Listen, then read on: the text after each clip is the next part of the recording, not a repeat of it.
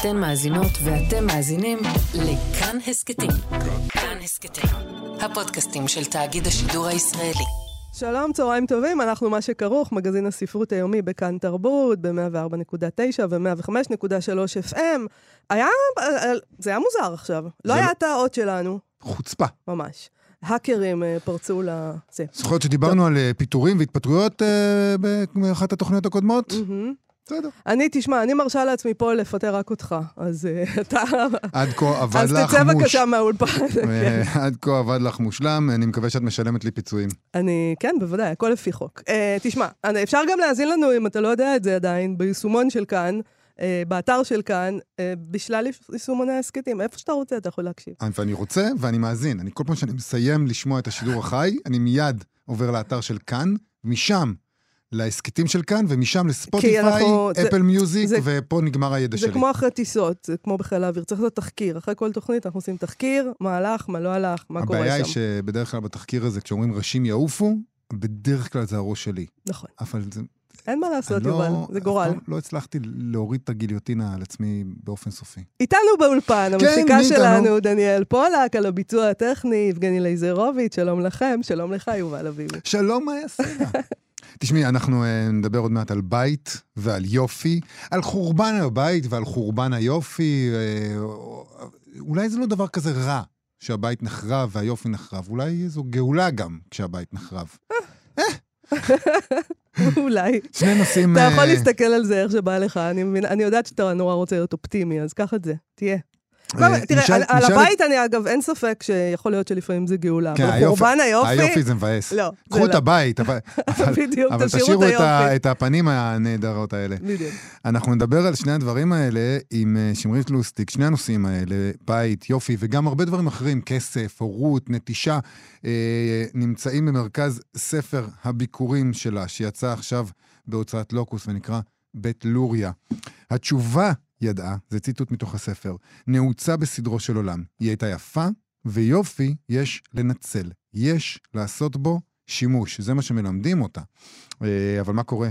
כשהסדר של העולם מתהפך, בית לוריא מתאר משפחה אחת שבראשה עמד פעם יוסף לוריא, שהוא מתעשר אה, מהיר ושאפתן, שמת פתאום ומותיר את אשתו ובתו השחקנית היפה עם חובות בטירה, שזה תמיד יפה, נכון? זה Grey uh, Gardens כאלה. בול Grey Gardens. בית כן. נפלא ונהדר, שמוגזם ומתחיל להתיישן כבר. ו... זהו, אין שם את האלמנט של הכל מתפורר, לא אבל לא... ההתפוררות היא פנימית.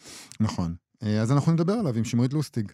אה, ונדבר גם עם צור שזף שלנו על עוד ספר מסע בפינתו אה, דרך הספר, הפעם על ספר מסעות ישראלי. אוללה. אבל לא בישראל בהכרח. לא. המסעות לא בישראל, הסופר ישראלי, עוד מעט נגיע לזה, אבל אנחנו מתחילים עם הסופר הספרדי חוויאר מריאס, שמת אתמול בגיל 71. ראש ממשלת ספרד כתב שזה יום עצוב לספרות הספרדית. חוויאר מריאס, אחד מגדולי הסופרים של זמננו, עזב אותנו, עבודתו מלאת הכישרון והעל-זמנית תמיד תהיה חלק פונדמנטלי מהספרות שלנו. בין הספרים של מריאס שתורגמו לעברית, כל הנשמות שיצא בהוצאת עברית וכתר, לב לבן כל כך וגבר סנטימנטלי שיצא בבבל, התאהבויות במודן וגם מחר בקרב חשוב עליי, שיצא בעברית כתר. השם שלו הוזכר תדיר. כל שנה היינו קוראים את שמו בין המועמדים אה, לפרס נובל לספרות, אבל בריאיון שהוא נתן לעיתון הארץ בשנת 2013, והוא נשאל על כך, הוא אמר, אני לא חושב שיש סיבה לחשוב שאי פעם אזכה בנובל. יש את כל המהמרים הבריטים שמהמרים על כל דבר, והם זורקים את כל השמות האפשריים. ככל שיש לך פחות סיכוי, ככה הם ירוויחו יותר כסף אם תזכה. אבל זה לא אומר שום דבר, ואני לא חושב שיש סיכוי שיקבל את הפרס. זה יפה שהוא אומר את זה. אני מאוד חיבבתי את התשובה הזאת, זו כן. תשובה נהדרת. אני מועמד כי הם רוצים לעשות uh, כסף על ה... רק בגלל שהסיכויים הם... Uh... אחד ל-200, ושל עמוס עוז נגיד, אחד ל-100, אז הם ירוויחו יותר אם אני אזכה. הוא צדק. אם היו מהמרים על התשובה הזאת שלו, אז היו זוכים. הוא לא נכון. זכה בנובל. אה, נקרא את הפתיחה של הספר "מחר בקרב חשוב עליי", שתורגם לעברית על ידי יערית טאובר בן יעקב. ככה זה הולך. איש אינו מעלה על דעתו שיום אחד ימצא אישה מתה בין זרועותיו, ולעולם לא יראה שוב את פניה שאת שמה הוא זוכר. איש לעולם אינו חושב שמישהו עומד למות ברגע הכי פחות מתאים, אף על פי שזה קורה כל הזמן. ואיננו מאמינים שמישהו בלתי צפוי עלול למות לצידנו. פעמים רבות נסתרות מאיתנו העובדות או הנסיבות. צורת המוות והרושם שהוא מעורר, כמו גם הגורם לו, מביכים לעיתים קרובות את החיים ואת המתים, אם יש להם זמן לשים לב. הרעלת קיבה מאכילת מאכלי ים, סיגריה שהוצתה סמוך להירדמות ונפלה בין הסדינים, או גרוע מזה על שמיכת הצמר, החלקה במקלחת, העורף, והבריח הסגור של דלת חדר האמבטיה, ברק ששובר עץ בשדרה גדולה והעץ הזה בנופלו מועך, או עורף את ראשו של עובר אורח, אולי תייר מארץ אחרת. למות בגרביים, או במספרה לבושים בסינר גדול, בבית זונות או אצל רופאי השיניים, או להידקר מעצם כשאוכלים דג. למות בחנק, כמו הילדים שאימם לא נמצאת לידם לדחוף אצבע לגרונם ולהצילם. למות באמצע הגילוח, כשלחי אחת מרוחה בקצף והזקן כבר לא סימטרי עד קץ הימים, אם איש לא ידאג לכך ולא יסיים את המלאכה מתוך חמלה אסתטית. ובלי להזכיר את רגעי הקיום השפלים ביותר, הכמוסים ביותר, אלה שלעולם לא מדברים אליהם אחרי גיל ההתבגרות, משום שאחריו כבר אין תירוצים. אם כי יש גם מי שמנפנף בהם כדי לספר בדיחה שאינה מצחיקה אף פעם. אבל זה באמת מוות נורא, אומרים על מיטות אחדות. אבל זה באמת מוות מגוחך, אומרים גם, בין צחקוק לצחקוק. הצחקוקים מופיעים כי מדברים על אויב שסוף סוף מוגר, או על מישהו מרוחק, מישהו שהעליב אותנו, או ששוכן בעבר זה זמן רב, קיסר רומאי, סבא רבא, או אולי מישהו, אפילו מישהו, אימתני, שבמותו הגרוטסקי רואים רק את הצדק החיוני עדיין, האנושי עדיין, שבעומק ליבנו אנחנו מאחלים לכולם, גם לעצמנו. עד כמה המוות הזה משמח אותי, עד כמה הוא מעציב אותי, כמה הוא מתאים לי. לפעמים העליצות מתעוררת דווקא משום שהמת הוא מישהו לא מוכר. שעל אסונו המצחיק בהכרח אנו קוראים בעיתון. איזה מסכן, אומרים מתוך פרצי הצחוק. המוות כמו הצגה או מופע שכותבים עליהם ביקורת.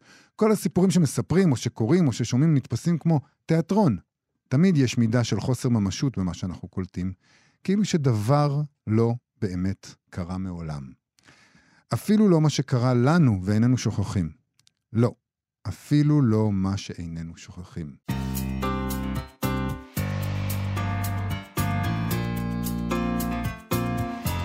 שכרוך בכאן תרבות, חזרנו. שני בתים נהרסים אה, בבית לוריה, רומן הביקורים של שמרית לוסטיג, שיצא לאחרונה בהוצאת לוקוס. אחד, ממש בהתחלה, זה לא ספוילר, נגרס בשיני הדחפור. השני, תיאטרון, נשרף לקראת סוף הספר. אה, תכף נדבר עליהם. שניהם בתים שנהרסים, ואולי חורבן הבית הוא מה שעומד במרכז הספר הזה. חורבן החיים שהולכים לכיוון אחר ממה שחשבת שילכו, ממה שאתה חושב שהם צריכים ללכת. ותמיד יש איזה מישהו שם עם אה, לשון מאוד מתוקה, מישהו נחמד, שישמח uh, לנצל את ההזדמנות. Uh, במרכז הספר דמותה של גליה לוריה, שהיא בתו של איש העסקים מהשיר יוסף לוריה, שמת צעיר, והשאיר אותה ואת אחותה עם אלמנתו הצעירה, שמתקשה להיות אימא, ועם הרבה חובות. עורך דין צעיר בשם רם מגיע לאחוזה מפוארת והמתיישנת. לא בדיוק מתיישנת, אבל כבר לא כן, רלוונטית. כן, מה עשית? מה עשית? אחוזה מפוארת ומפוארת. ומפ... כן. שאסור להרטיב בה את, את, את ידיות הזהב. כן.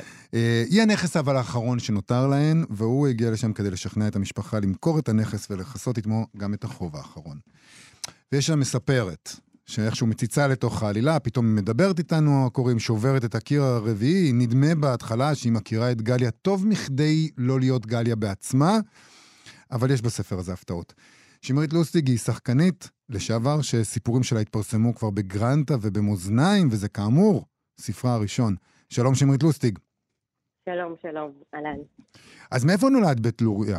מאיפה הגיע האיש השאפתן הזה, יוסף לוריה? הוא הגיע מכפר דתי קטן, והוא הופך לאחד האנשים החזקים במשק, ואז הוא מת ומשאיר אחריו כאוס. אה, כן, זה, אני מנסה לחקור ולבלוש אחרי האיש הזה, שכאמור דמותו מבוססת אה, על אבי. אה, וגם בספר, אז זה הוא ולא הוא. כי ככה זה ב, ב, כשאתה מנסה לשחזר וליצור ולעשות יש מאין. אה, ובאמת אה, בתוך ה... בעצם כשאני הולכת וחוקרת אחריו, אה, אני אבא שלי באמת איבדתי כשהייתי בת 16 והוא היה בן 44. מות, מותו היה טרגי עבורנו כמובן, ומאוד בתוך המשפחה מאוד, הוא השאיר איזה מין מיתולוגיה, איזה מיתוס אחריו, ואני הלכתי גם אותו לנסות, לא לנפץ, פשוט רגע, אז מי, מי זה היה? זה מגיל כזה שאתה לא ממש יודע מי זה ההורה שלך. מי זה האיש הגרנדיוזי הזה, שמוכר וקונה ככה? ואגב, אני כאילו כשלתי בסוף, כי, כי ככל שאני ניסיתי, אז עוד יותר... אה, זה, קש... זה, זה, זה, זה ניסיון שנכשל. מה ניסיון שנכשל? ספרותית זה לא נכשל, אבל אני רוצה לשאול אותך, בדרך כלל אנשים אה, נמנעים מלדבר על כסף, בעיקר כשיש להם כסף, אה, ועל יופי, בעיקר כשהם יפים. זה מין דבר כזה שזה, לא, לא מדברים על הדברים האלה. אה, ואת uh, עושה את זה בספר, גם על כסף וגם על יופי. זה, זה היה לך איזה, זה הרתיע אותך באיזשהו אופן?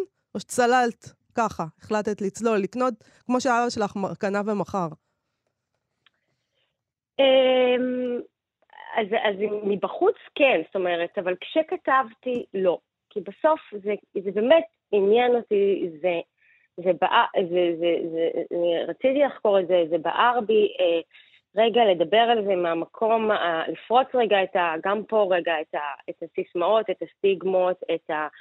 את ה זאת אומרת, ברור שכל רגע נתון יכלתי יודעת, לקחת רגע אחורה מכיסא הכתיבה ולהגיד אוי אוי אוי. זה, זה, יש בי את הצד הזה, אבל בתוך הכתיבה אמ, אני, אני הלכתי דווקא, וזה באמת היה ממקום יותר, אה, לא יודעת אם פצוע, כי זה באמת מילה אולי, אבל, אבל כנה ושיש פה איזשהו, זה יותר מורכב. זה יותר, אה, יש לזה עוד צדדים, זה לא באמת דבר אחד.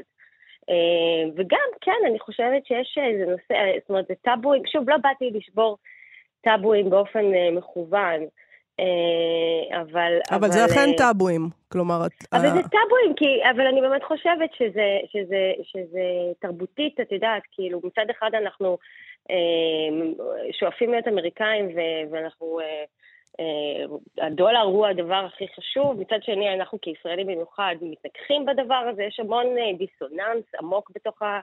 מול כסף, מול יופי, מול הצלחה, אנחנו שואפים לשם, וכשאנחנו לא אז אנחנו שונאים את זה, ואני ניסיתי לדבר על זה ממקום אה, באמת יותר, אה, גם אישי, אבל פחות, זה לא העניין האישי, אלא, מ, אלא לפרוט את זה רגע לדבר עצמו, ומה זה עושה? מה זה הדבר הזה שאישה מאוד יפה, בעצם היא, היא, היא, היא, היא מוסללת באיזשהו אופן. לא כל אישה יפה מוסללת, אבל, אבל יש לזה איזשהו, זה איזשהו טיקט שהיא הולכת, או אתם יודעים שאומרים לילדות, אתן יפות, אתן יפות, אתן יפות, מה, מה זה עושה בעצם הדבר הזה? כן. שכאילו אנחנו נורא מעריצים אותו ונורא מעודדים אותו ונורא רוצים אותו. כי זה גם נעלם בספר. גם הכסף וגם היופי נעלמים. אתה היית הבן אדם הזה שהיה לו כסף ויופי. ככה, לא? ואולי זה הבית, נכון? הכסף והיופי הם המקום הבטוח, הם המקום היציב, ופתאום אה, זה, נח... זה חומק. כמו הבית זה נחרב. כסף ויופי זה באמת דבר אה, שבא והולך, יופי בטח, בא והולך, בטח אצל נשים. אמ, וגם כסף אה, זה דבר שהוא בא והולך, וכנראה גם בתים. וכן, אני חושבת שזה חיפוש אחרי איזשהו, אז מה העוגן? אז מה השורשים? האם הבית הוא שורש? תשמעו, אני פתחתי את הספר בלהרוס אותו. אבל אה, זה הרס שהוא כמעט פורנוגרפי, הייתי אומרת, כאילו, ולא לא, לא, לא, לא השארתי... אה, אבל אולי זה, אנחנו התווכחנו על זה קצת, אה, כן, שמה? מאיה ואני, שאולי זה דבר טוב להרוס את הבית הזה. כמו שאמרתי, יש שני בתים שנהרסים פה, ויש איזו הקבלה ככה בין סצנה של תיאטרון שנשרף עם כל הפרופס, עם כל הדברים כן. המזויפים כן. שמשמשים את ההצגות. ובעצם אה, גם הבית שנהרס וגם התיאטרון שנשרף... על תכולתו, גם הוא, על כן. תכולתו. וגם ה... גם כן, כשאת מתארת את הבית שנגרס, אז הכל צעצועים, נכון? זה מין עמודים רומים פתאום.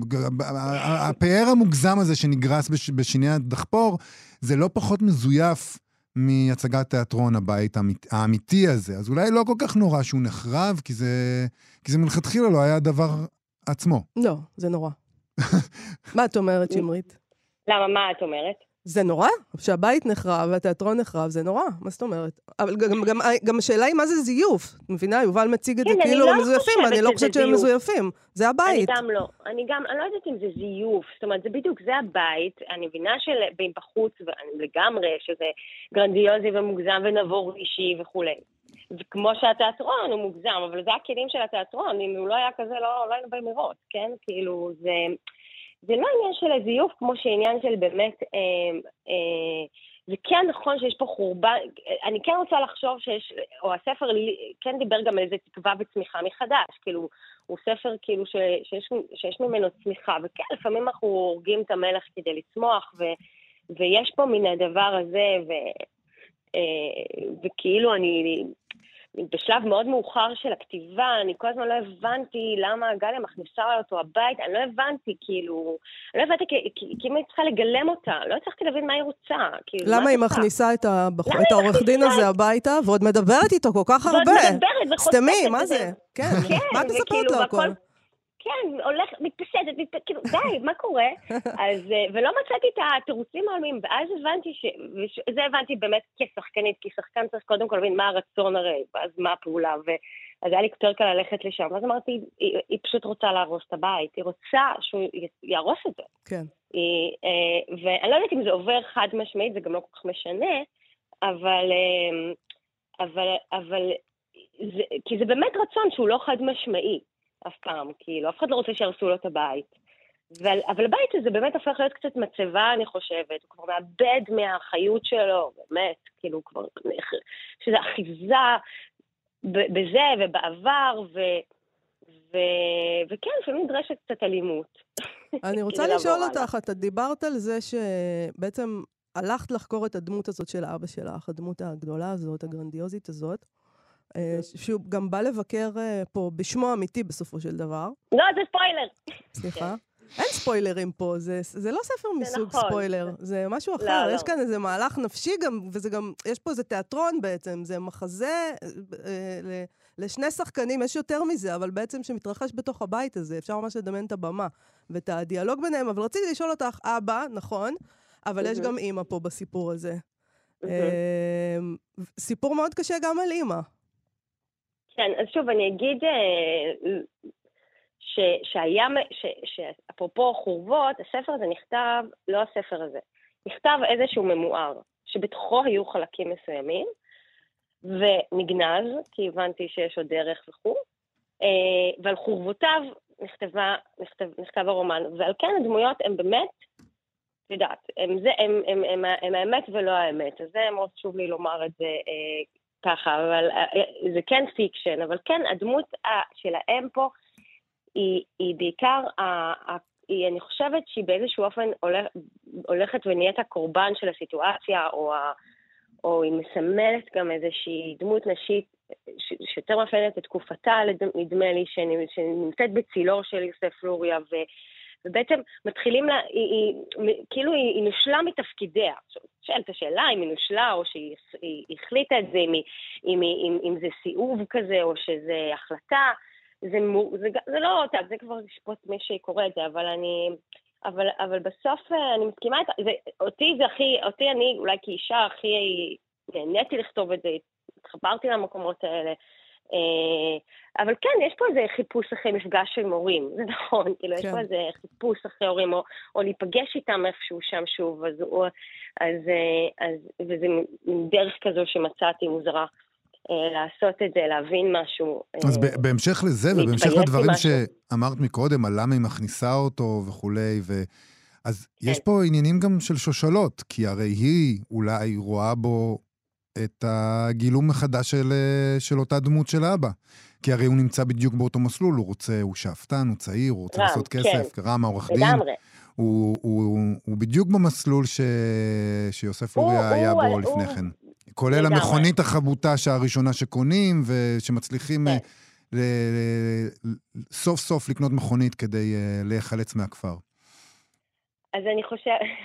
אני חושבת שהוא... אה, לגמרי, הוא קצת בעיניי מין אלפא מינוס כזה, בעוד שיש שם איזה שאלה, כאילו, יש שם איזה קטע שהוא, שהוא מתלבט עם עצמו אם הוא כריש או סרדין. מה אני, אני כריש או סרדין? ואז הוא אומר, איזה פלורי הזה, הוא בכלל לא היה מתלבט. הוא יודע שהוא כריש. נכון, נכון. אין פה התלבטות. לא, הוא גם חומל עליה באיזה רגעים, הוא מתלבט עם אה, כן, לעשות לה את זה. לא, כן, הוא חלש. חופשי. חלש, יש לו לב, הוא מוסרי, כל מיני דברים... דברים אה, נוראים. אולי זה יעבור לו אבל. אז אולי זה יעבור לו, אתה יודע, אני שמתי אותו בסוף בפמילי אופיס, זה באמת אחד ה... אה, אבל, אה, אבל, אה, אבל כן, כאילו, אני חושבת שזה היה מין מחול מראות, גם, גם גליה היא חתיכת אמביציה מטורפת שהולכת, כאילו, זה ספר שמאוד מדבר על, על אמביציות והמחירים של אמביציות, ומה זה הצלחה, ועל, ועל קפיטלי, על הצלחה כמקום קפיטליסטי, וזה כמאמר מוסגר, כמי שעושה את דרכה, דרכה צעדי הראשונים בעולם הספרות, הכל לא קפיטליסטי. אמ, זה כמובן תלוי איך אתה רואה קפיטליזם. פה את לא תרוויחי שקל, שמרית, זה כן, אבל... זהו, אז אני מנדל"ן לזה, בדיוק. אבל בקפיטליזם יש מי שלא מרוויח שקל. תראי את האנשים שמייצרים את האייפונים, כאילו, זה בסדר, זה ככה. נכון, את יכולה לקנות, אה, להקים רשת אה, חנויות ספרים שלישית, אה, ויכול להיות שאז... בכל אופן, אני רציתי לשאול אותך על העובדה שיובל אמר, שחקנית לשעבר. כן. לשעבר, זהו, פרשת, הודעת, הכרזת, את לא, את לא שחקנית יותר? תראי, אני כבר שש שנים לא, לא, לא נבחנת, לא... אודישן אחד, אה, לא באמת, לא נבחנת, לא הולכת, לא משחקת, לא, לא מעוניינת. אני חושבת שזו פרידה זהותית יותר מהכל, אה, למרות שבפועל אני גם לא, אני לא עושה את זה בכלל. אה, ואני עמוק עמוק בתוך הפרוזה, אה, לא יודע למה, אבל זה מה שקורה, וכולל לימודי תואר ראשון, כולל כל מה שזה אומר. אה, וכן, אני בעצם, הרבה זמן הלכתי ואמרתי ככה, אני התגרשתי מהמקצוע. אני, זהו, זה נגמר. למה? למה? למה את לא רוצה להיות עם תראי, למה זה, זה סיבות, זה הרבה, הרבה מאוד סיבות. אני חושבת שזה איזושהי התבגרות שלי מהמקצוע, אה, מהחלום הזה. אה, אני חושבת שגם אני, גם איזושהי אמביציה שלי ששרפה את הדבר הזה, את התשוקה. שקרה לי עם הפרוזה שגיליתי שוב חדווה ותשוקה ו... ו- ו- ו- וחופש, וכל הדבר הזה שהיה אי שם בחוג דרמה בגיל שמונה, הלך ונשחק עד, עד, עד אובדן אה, במהלך הקריירה, די אה, מלאה שהייתה לי. כן, הייתה לך קריירה מאוד מוצלחת. אה, עברתי כן. על הוויקיפדיה שלך. באמת, אה, את לא הספקת לצאת מבית ספר למשחק, וכבר אה, שיחקת כל מיני דזדמונה. זאת אומרת שיכול להיות שכמו העניין הזה עם נשים יפות, כלומר, אולי הצלחת מהר מדי, לא היה לך שם אתגר, כבשת אותם, יאללה, נקסט. זה לא יכול להיות אתגר, הייתי דזדמונה איומה, אגב. אה, לא היית מוצלחת. וואי, אחי, אנדלזד כתב הדזמונה הלא נכונה והוא צדק. זה היה הכי נורא, שהביקורת קוטלת ואת יודעת שזה נכון. זה באמת נורא. אבל, אה, אבל, אה, זה, אבל זה נכון, כאילו הייתי, הייתי, הייתי והייתי בתוכו, וגם, את יודעת, והיה לי, אני חושבת, כישרון לזה וזה, אבל באיזשהו שלב, תראי, בעיניי, בעיניים שלי, זה מקצוע הרבה הרבה יותר מצומצם אה, ממשהו, אה, והוא הלך וסגר עליי, וגם איך שהוא מתנהל בארץ, עם הנסיעות, עם הזה, עם הזה, עם התיאטרון. כן, כן. אה, ו- והולך ו- והלך וצמצם אותי, וכן הרגשתי שיש גם לי מה לומר. כן הרגשתי ש- שיש איזו הסללה מסוימת. את יודעת, לא היה, לא היה מודלים uh, של, של, כאילו, יש את איצ'קוק ויש את הזאת שהיה שחקנית היפה לצידו. זה מה שהיה. כן. כאילו, לא היה אופציה ממש אחרת. לא הבנתי שיש אופציה, הרגשתי את זה, אבל לא הבנתי את הדבר הזה. אז אני חושבת ש... ולקח לי, הייתי צריכה כזה להגיע לגיל 30 כדי לעשות את זה, ואימהות, ו... ו... וחוויה, ו... והכנה בכלל הייתה קשה מאוד. אה, אז, אז כל הדברים האלה הביאו אותי בסופו של דבר אה, בהחלטה מאוד לא מושכלת. אני גם לא היה לי את האומץ לעשות את זה בארץ, היה לי איזו הזדמנות לנסוע לניו יורק, ובאופן לא ממש מודע, אני בדיעבד יודעת להגיד, לא היה לי את האומץ לעשות את זה בארץ, אה, ובתוך תל אביב, להגיד, טוב, זהו, אני לא עושה את זה יותר, כי כי המשבר זהות היה עמוק מאוד, אה, כי גם אני מאוד שחקנית באופי, בטייפ, אני לא כתבתי למגירות, אין לי ספרים, אני תמיד כתבתי, אבל זה לא, אם היית שואלת אותי לפני עשור שאני אקיים איתך את השיחה הזאת, בחיים לא הייתי, אין שום סיכוי. והיום אני ממש שואפת להמשיך קצת, בתקווה לכתוב עוד ספר, להמשיך את זה, ולגמרי מרגישה בתוך עצמי, שוב, אני עוד רק עכשיו עושה את הצעדים שלי החוצה, מאוד מלחיצים, אבל תחושת דיוק ונעים לי שם הרבה הרבה יותר. שמרית לוסטיג, בית לוריה, ספר ביקורים נפלא, יצא בהוצאת אה, לוקוס. תודה. תודה רבה על השיחה הזאת. תודה רבה. תודה לכם. להתראות, ביי ביי. ביי ביי. עכשיו, דרך הספר. מה שכרוך בכאן תרבות, וכבר אנחנו עם היהודי הנודד, איש המסעות, היין וההתנגדות, צור שייזף שלנו, שלום צור. כן, שכחתם. מה שכחתי? אנרכיסט. או, אנחנו לא נוכל לדבר ככה, מר צור שייזף. אני, אני מדמיינת אותו תמיד באיזה מדבר. הבטיחו לנו שהקו טוב, בדיוק. אבל הוא במדבר, הוא בסודאן, הוא בסודאן. לא יודעת. אתה בסודאן, צור? אני לא בסודאן, אני בכלב שלי, אתם לא שומעים אותי. לא, אין שום וואי, סיכוי וואי, שאנחנו... אנחנו לא שומעים אף מילה, שאנחנו איזה זה. אולי דיכאון. תנסו אה, לח- לחדש את ה... רגע, את הקו. מאי, אתם אה, שומעים אותי? זה משתפר? כן, קצת, בוא נת- בוא נתחיל, נראה מה קורה. בואו נתחיל, הנה, זזתי הקטע. כן. לא, זה לא. לא ילך. אה, רגע, שומעים או לא שומעים? בבקשה, בוא ננסה. על מה אנחנו. מדברים עם צור? מדברים היום אה, ספר של אה, יפתח אלוני, כן, אה, שהוא באמת ספר מסע ישראלי, שבו הוא בעצם משוחח עם אנשים. נוסע בעולם ומשוחח עם אנשים, יצא בהוצאת אפיק, ואני חושב שזה אה, מעניין בתור ספר מסע ישראלי, מכיוון שאיננו משופעים בספרי מסע ישראלים. נכון. ויש פה כמה דברים, כמה דברים שהם בגדר פנינה, יש פה כמה דברים שהם פחות טובים, ויש פה באמת כמה הצצות לתוך מקומות שמעט אנשים יחסית מגיעים אליהם. אני, אה, אני, אנחנו קראנו את הספר הזה, זה הספר שהוא פוגש בו את הדלאי למה, לא? לא פחות בדיוק. ולא יותר. כן, ספר. יפה, יפה, יפה, יפה. דווקא המפגש עם הדלאי למה בעיניי הוא, הוא פחות, אה, באיזשהו מקום פחות מוצלח בעיניי כי הוא מפגש אה, משתאה. זאת אומרת, ניתן להגיד על יפתח שהוא בעצם אה, משתאה מאנשים, הוא, הוא מקשיב להם.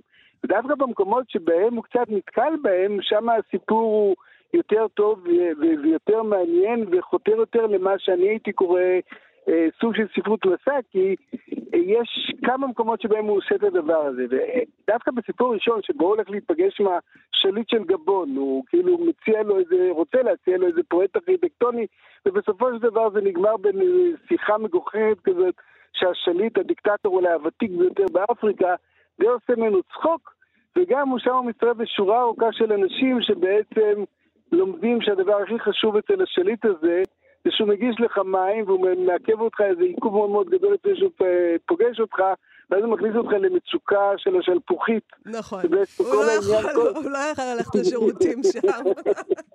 אני זוכרת את זה. שנמצא מבחוץ, שכולם אומרים לו, תשתין קודם. ורק הוא חולם על העץ הזה כל הפגישה ורץ אליו אחרי זה.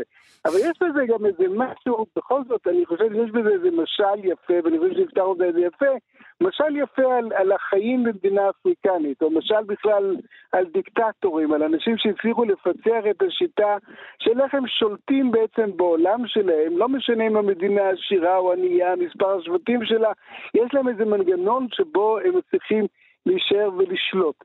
נדמה לי שהסיפור הזה מתכתב הכי יפה גם עם השליט המקומי שלנו, שגם כן רוצה להמשיך ולשלוט למרות שהוא תקוע במין איזה פלונטר שאנחנו קוראים לו דמוקרטיה, השד יודע מה קוראים לשלטון הזה. אבל לפחות הוא נותן לנו לצאת לשירותים מדי פעם, אז זה גם משהו.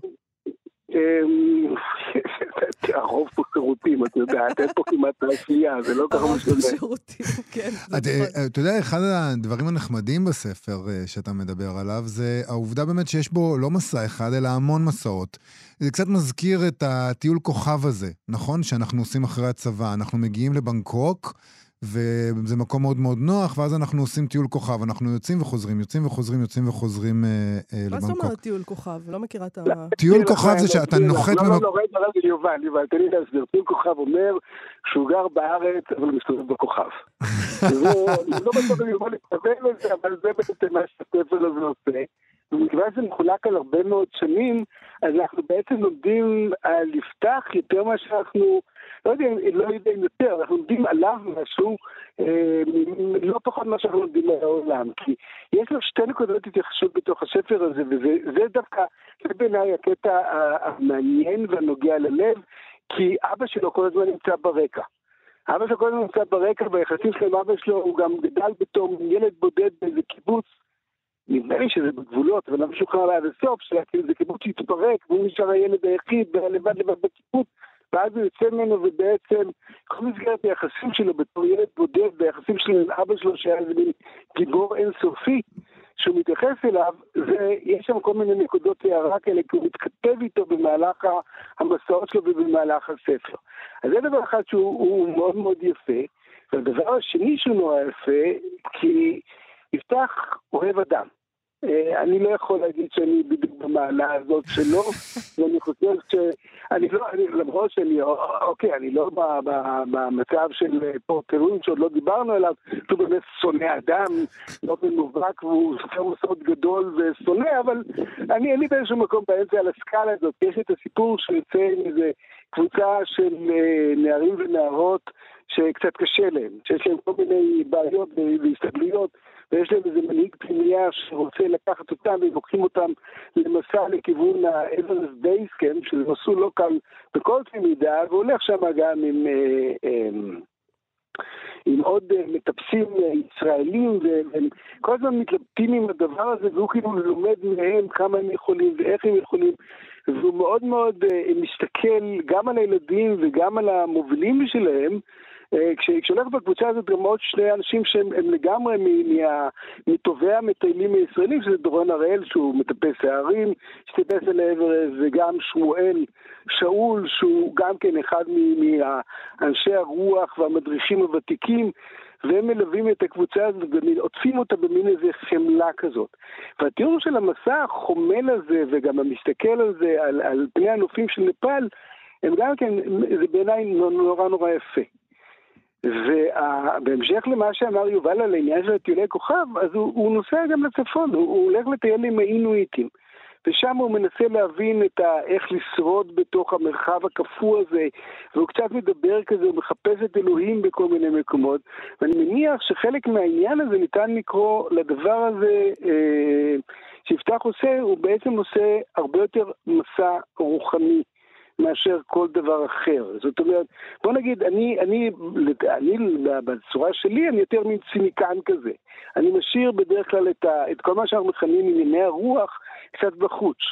ופה דווקא יפתח מכיוון שהוא יותר רך מבפנים, ויותר פרוז אל העולם, ויותר מחפש תשובות, הוא הולך ומחפש את התשובות שלו בכל מיני מקומות, ובעיניי הדברים האלה יפים מאוד, ואני חושב שזה ספר שמן הראוי לקרוא אותו, במיוחד שהוא יצא בעברית וניתן להשיג אותו די בקלות, והוא גם די מהשנים גם לא מזמן, זהו, לא, הוא לא... נכון, למה עצור אין לנו כל כך הרבה ספרי מסע בעברית? אולי אנחנו לא מספיק יפתח חלוני, אולי אנחנו יותר מדי ציניקנים, לא פתוחים לעולם. כשאנחנו עושים טיול, אתה יודע, יש את הספר הזה של אה, נוסעים ונוסעות של חנה נווה, שמדברת שם על הדרך שבה ישראלים מטיילים.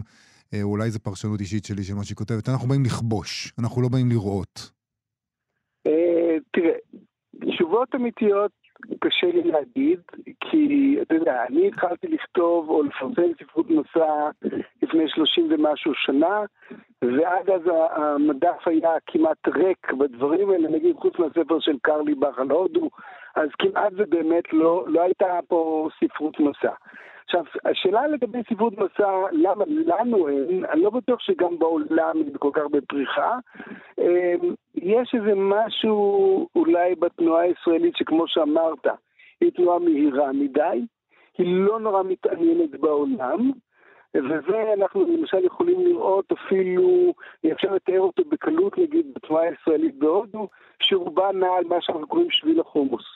זאת אומרת, נעים במקומות שבהם ישראלים נעים, הם יודעים מה הם עושים, הם מה שמעניין אותם זה קצת אה, סוג של, נקרא לזה רוחניות lite, אם זה ברישיקש, אבל כשזה עטוף כמובן במסעדות שמגישות אוכל ישראלי, שיש חברות ישראליות, שאפשר להשיג גנג'ה טובה בכל מקום, ופחות הם חותרים להבין ולנסות להבין את, ה, את הארץ הנפלאה.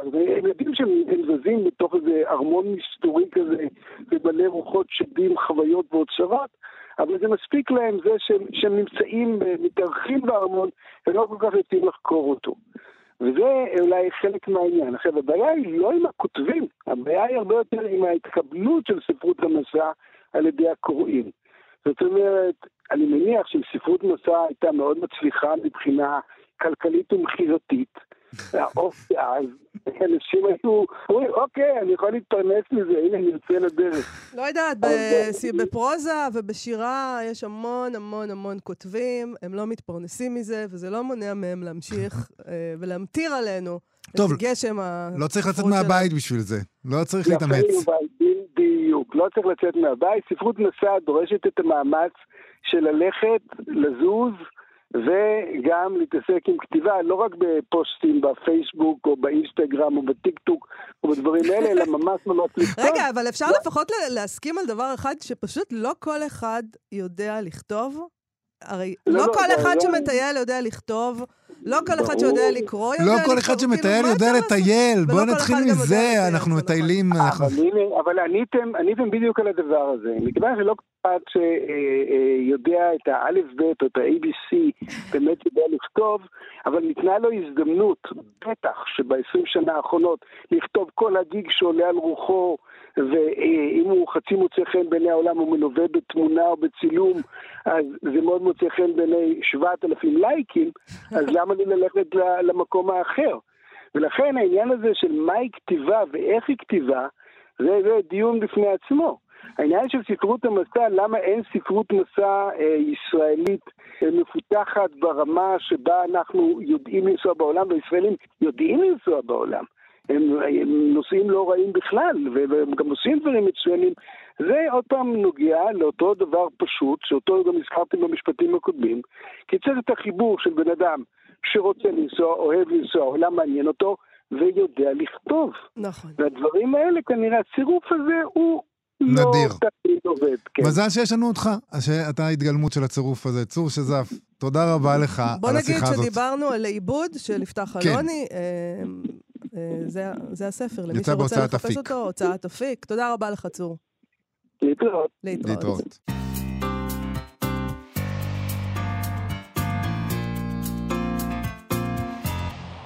כל היא כל כך אהבה אותי.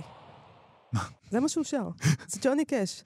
לא, אה, זה אה, היום היה- היום. היום, אה, זה- היום זה היורצייט שלו. היורצייט שלו. ואני של דיוויד- מחבבת אותו, כמו של שאתה יודע. דיוויד פוסטר וואלאס. גם, אולי נתייחס לזה מחר. נכון. אולי, אם נספיק. חבל שאי אפשר להתייחס לג'וני קאש. למה אי אפשר להתייחס לג'וני קאש? בעצם אפשר לקרוא איזה ביוגרפיה שבטח נכתבה עליו. למה ביוגרפיה? בואי נקרא את. השירים, אה, ונמצא מישהו שיגיד אה, שהוא. זכאי לנובל. אבל הוא אה, מת, אה, המתים לא מקבלים נובל. בסדר. ברור אה, שהוא זכאי. פתרו את זה בשטוקהולם. ונפתור את זה בחיים. לא, הוא לא צריך נובל. אנחנו נעשה תוכנית על המילים שלו, וכמה הן ספרותיות. תוכנית שלמה על ג'וני קאש. תזכור. מה זאת אומרת? מחר. בסדר. טיק טק, טיק טוק. טוב, אה, זהו, יצאתי בומר, הכל בסדר, אז אפשר לעבור הלאה. אה, אנחנו עם סטטוס ספרותי של עודד נעמן, שכתב אתמול על חוויאר מריאס, אה, שכמו שאמרנו אה, בתחילת התוכנית, אה, מת, וככה הוא כותב עליו. רק ספרים בודדים שלו תורגמו לעברית. בעיניי, יצירת המופת שלו היא הטרילוגיה שבאנגלית נקראת Your Face Tomorrow. מקווה מאוד שתתורגם. בספר כל הנשמות, All Souls, שכן תורגם לעברית, מסופר על סופר ספרדי שמבלה שנה באוקספורד ומנהל רומן עם אישה נשואה. ברומן מאוחר יותר, אה, Dark Back of Time, מסופר שעם פרסום כל הנשמות באנגלית, אנשי אוקספורד חשבו שמדובר בסיפור אמיתי וניסו לברר את זהות הדמויות. נשים שונות נחשדו בבגידה. זוג זקן שניהל חנות לספרים עתיקים טענו שהם היוו השראה לשתי דמויות בספר וכך זכו בתפקיד המקביל בסרט שנעשה על בסיס הספר. ההתעקשות של אנשי אוקספורד שהספר אינו בדיוני הביאה לתוצאות מרחיקות לכת. אך בדארק בק אוף טיים, מריאס כותב שהסיפור היחיד בכל הנשמות שכולם הניחו שהוא בדיוני, הוא הסיפור האמיתי היחיד בספר. זהו סיפור על האי הקריבי, רדונדה. סלע באורך קילומטר וחצי וברוחב חצי קילומטר שלא ניתן ליישב ושהיה שייך לאימפריה הבריטית. במאה ה-19, מס- משורר אנגלי כושל התעקש לקבל את מלכות רדונדה, תואר ריק שלא מביא עמו זכויות או כוח, ומאז מלכי האי היו אנשי ספרות שהעבירו את המלוכה מזה אל זה. אחרי שכל הנשמות פורסם, מלך רדונדה הנוכחי כאות הכרה, הוקרה, על הפרסום, ויתר על המלכות והעניקה למריאס. וכך מריאס נהיה למלך רדונדה והעניק תארי ברונים ודוכסיות לסופרים וסופרות, אומנים ואומניות. רשימה חלקית של האריסטוקרטיה של רדונדה כוללת את אה, פדרו אלמודובר, פדרו אלמודובר, אליס מונרו, קוצי, פרנסיס פורד קופולה, זבל, דומברטו אקו ועוד רבים. מריאס אף הקים הוצאת ספרים בשם ממלכת רדונדה. ואז הוא אומר לו, שלום, חוויאר מריאס. זה, זה יפה, אני חושבת שזה רעיון ממש טוב, ש... סליחה, אה, כל זה אנחנו אמיתי? צריכים לאמץ. כל זה זה, אמיתי? זה הדבר היחיד האמיתי, הוא טוען. אגב, זה אה, אמיתי. טוען. זה אמיתי. אמיתי ככל שאיזה דבר הוא אמיתי. שאני מחר אגיד לך, אתה רואה את הסלע הזה? כן. זאת הממלכה של יובל, ואני נותנת לך עוד כבוד, אתה את ידיד תתני לי? הממלכה. יד- אני לא בטוח, אני לא רוצה להיות ידיד, את תתני ידידים למישהו אחר, את לי תתני ברון או דוכס. אה, ברון מדוכס, אבל אנחנו יכולים גם לערוף את ראשך באותו אופן, כי זו, זו ממלכה וזה מה שאנחנו עושים. אז בסדר, זה אמיתי במובן הזה. זה. בממלכה שלך, כן? בוודאי, בממלכה בממלכות שלי. של אחרים יכול להיות שלא עורפים ראשים, אבל... אה, לא בממלכות של אחרים עורפים את ראשי, כמובן. אתה יודע, אה, אתה לא מסתובב בעולם רק עורף, אתה חייב גם להיערף. זה- החוק. אני, מה שאני אוהב בכל הדבר הזה, זה שהחיים שלו היו הספרות, והספרות שלו הייתה החיים, זה מאוד מאוד בולט בסיפור הזה, שהכל התערבב. מה אה, שבולט לי, זה שהבן אדם הזה היה יחסית צעיר, בן 71, 71. והם טוענים שהוא מת מדלקת ריאות, וזה ממש צייר אותי. איזו מין שטות זאת. כן. זה מה שקרה, זה, זה באמת, אה, שטות, גיל 71 זה צעיר מדי, נכון. ואולי אבל זה יורד, יעודד את אה, כל אנשי הספרות בארץ לתרגם את ספריו שטרם תורגמו. אז זה זמננו לסיים. תודה רבה למפיקת התוכנית שלנו, דניאל פולק. תודה רבה ליבגני לייזרוביץ' על הביצוע הטכני. בואו לבקר בעמוד הפייסבוק שלנו ושל כאן תרבות. אה, הנה, תקשיבו, קיט ריצ'רדס ונורה ג'ונס.